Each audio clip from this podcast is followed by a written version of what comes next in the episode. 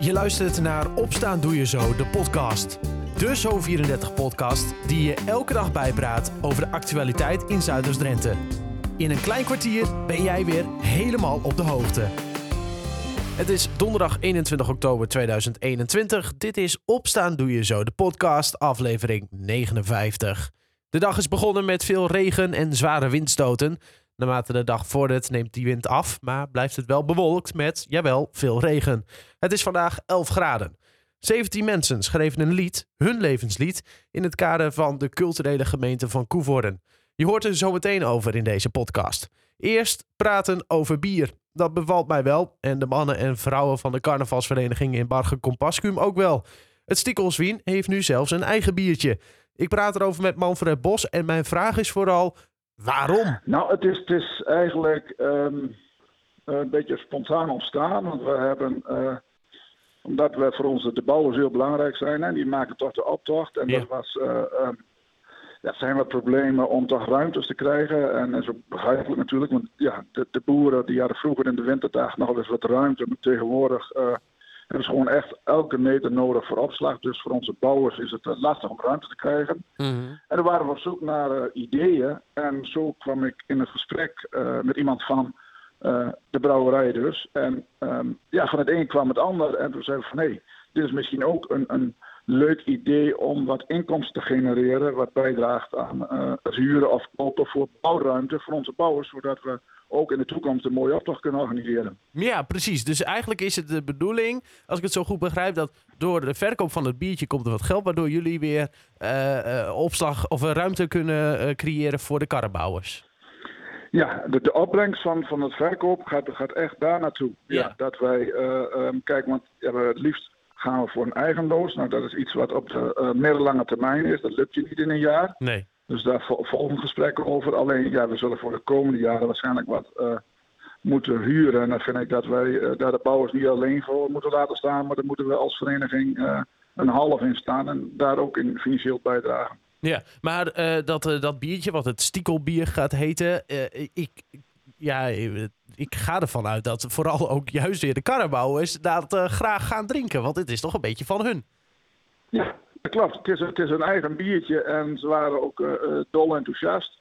En het is natuurlijk ook het biertje van, van de vereniging. Ehm, dus bij elke gelegenheid zal het ook eh, geschonken worden. En het is ook met een, een, een knipoog. Hè, van, nou, we hebben de laatste twee jaren natuurlijk, of nou ja, vorig jaar helemaal niks kunnen doen. Het is twee jaar geleden dat we echt feest hebben kunnen vieren. Ja. Dus het is, het is ook een soort een signaal van, nou jongens, eh, eh, een goed begin voor eh, een nieuw seizoen. En, en met weer wat ludieks. En wij hebben als vereniging dan toch ook weer, ja, het, het, het, wat geks op papier gezet. Het, het biertje zal ook elk jaar een andere eh, thema krijgen. Hè? Dus op de achterkant, de achterkant van het etiket komt dan een, een, een tekst waar we voor staan. Mhm.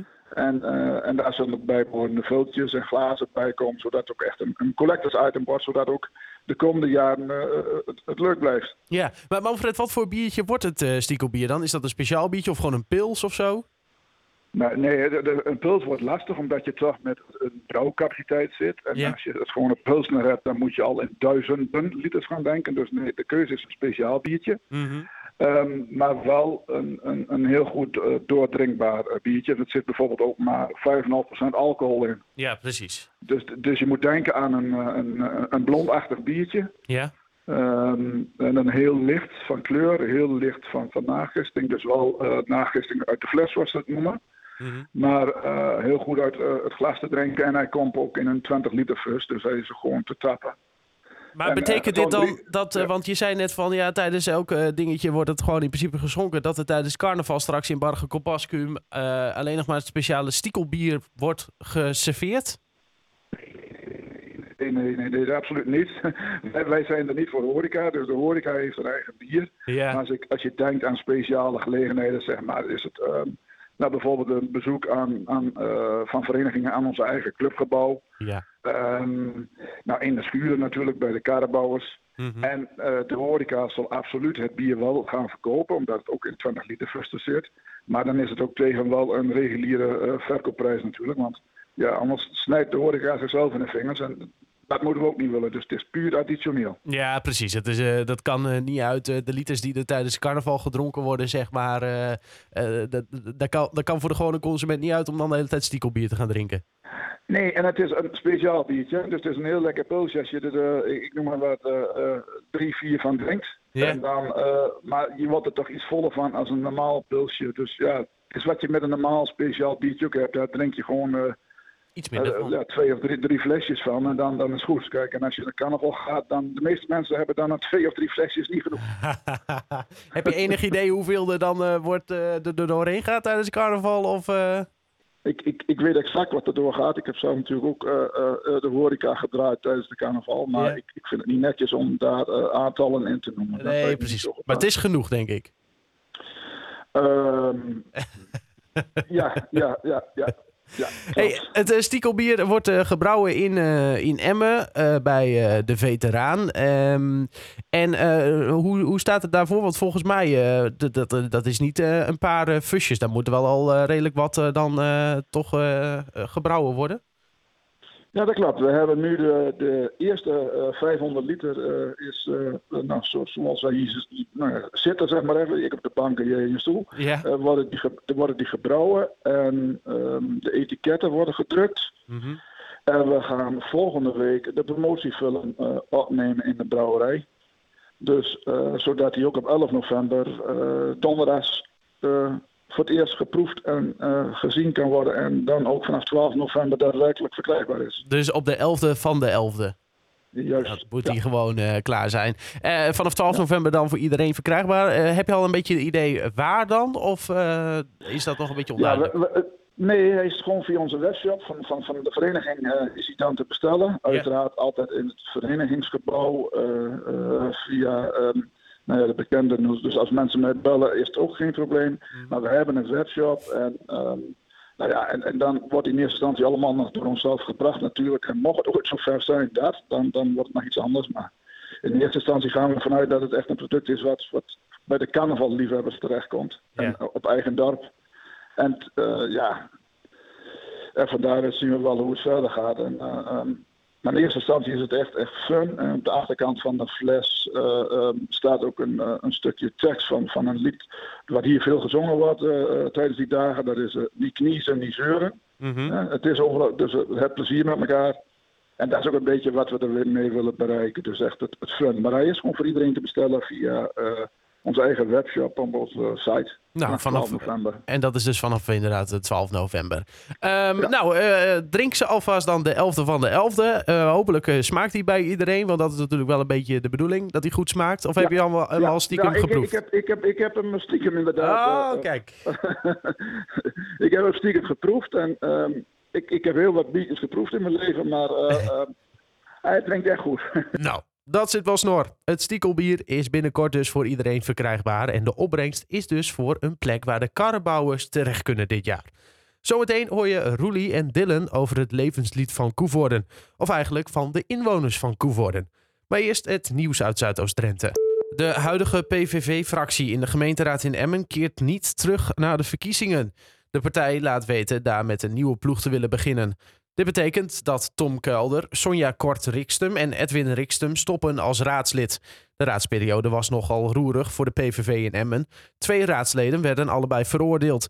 Tom Kuilder werd in maart veroordeeld voor het stalken van zijn ex-vriendin... en ex-raadslid Martijn Storm werd eerder veroordeeld voor het doen van een valse aangifte.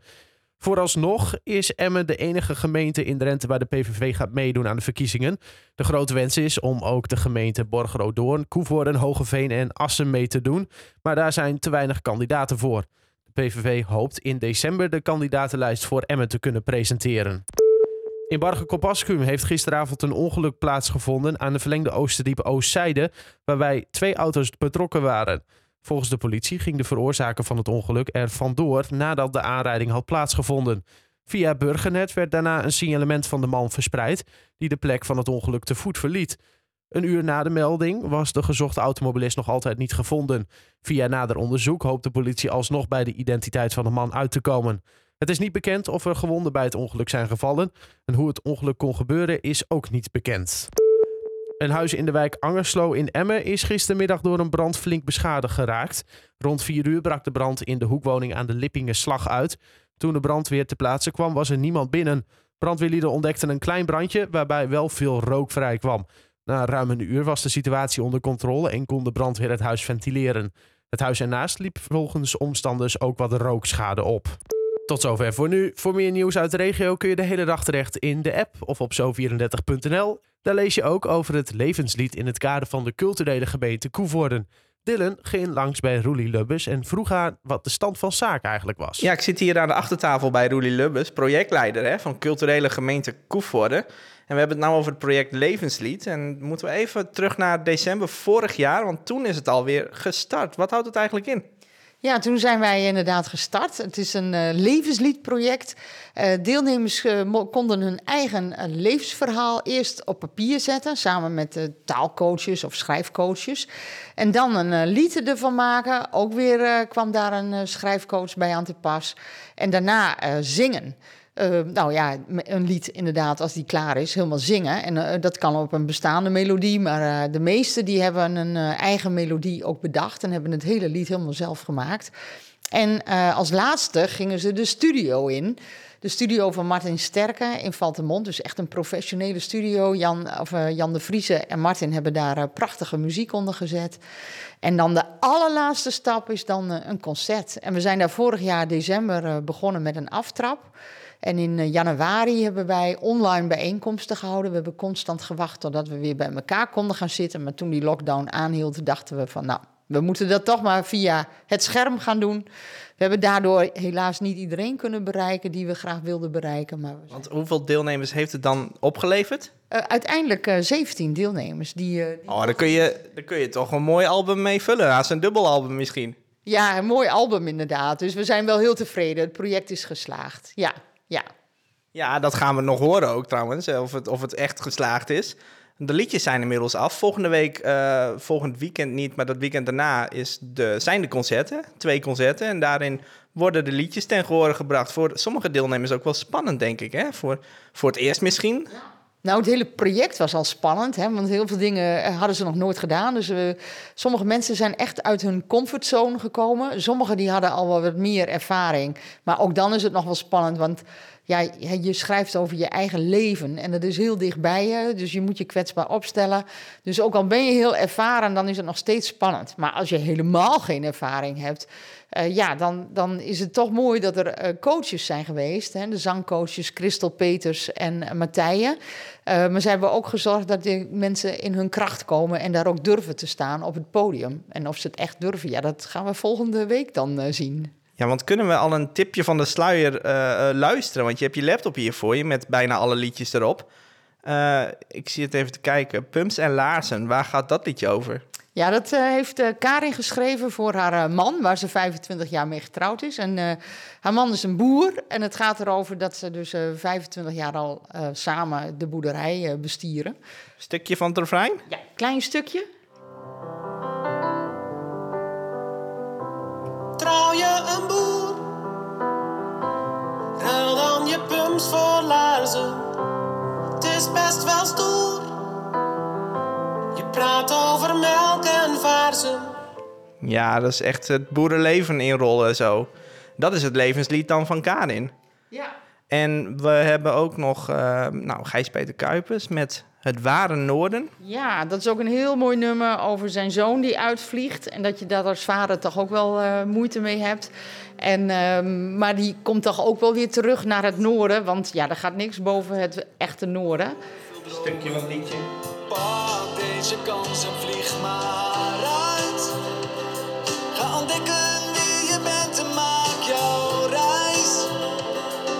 bestemming onbekend, doe nieuwe indrukken op. Ja, zo zijn er dus 17 liedjes van mensen uit de gemeente Koevoorde... die volgende week, dat weekend, uh, die liedjes ten gehore brengen. Ja, zaterdagavond en zondagmiddag in Theater Hofpoort. En kaarten zijn ook te bestellen via Theater Hofpoort. En ze kosten maar 10 euro per stuk, inclusief een consumptie. Dus het is indrukwekkend. En vooral ook de verhalen achter de liedjes, die zijn heel ontroerend. En als je het nou daar heel mooi vindt, kun je het album ook nog kopen. Jazeker, die hebben we dan daar te koop. Ja, en vervolgens de release ook digitaal op Spotify en allerlei streamingdiensten. Dus uh, ja, je gaat er nog veel van horen. De voorstellingen zijn dus binnenkort en de moeite waard, zoals je hoort. Het hele verhaal over het levenslied kun je nog eens rustig nalezen op de site zo34.nl of in onze app. Tot zover Opstaan Doe Je Zo, de podcast van donderdag 21 oktober 2021. Een fijne dag en tot morgen.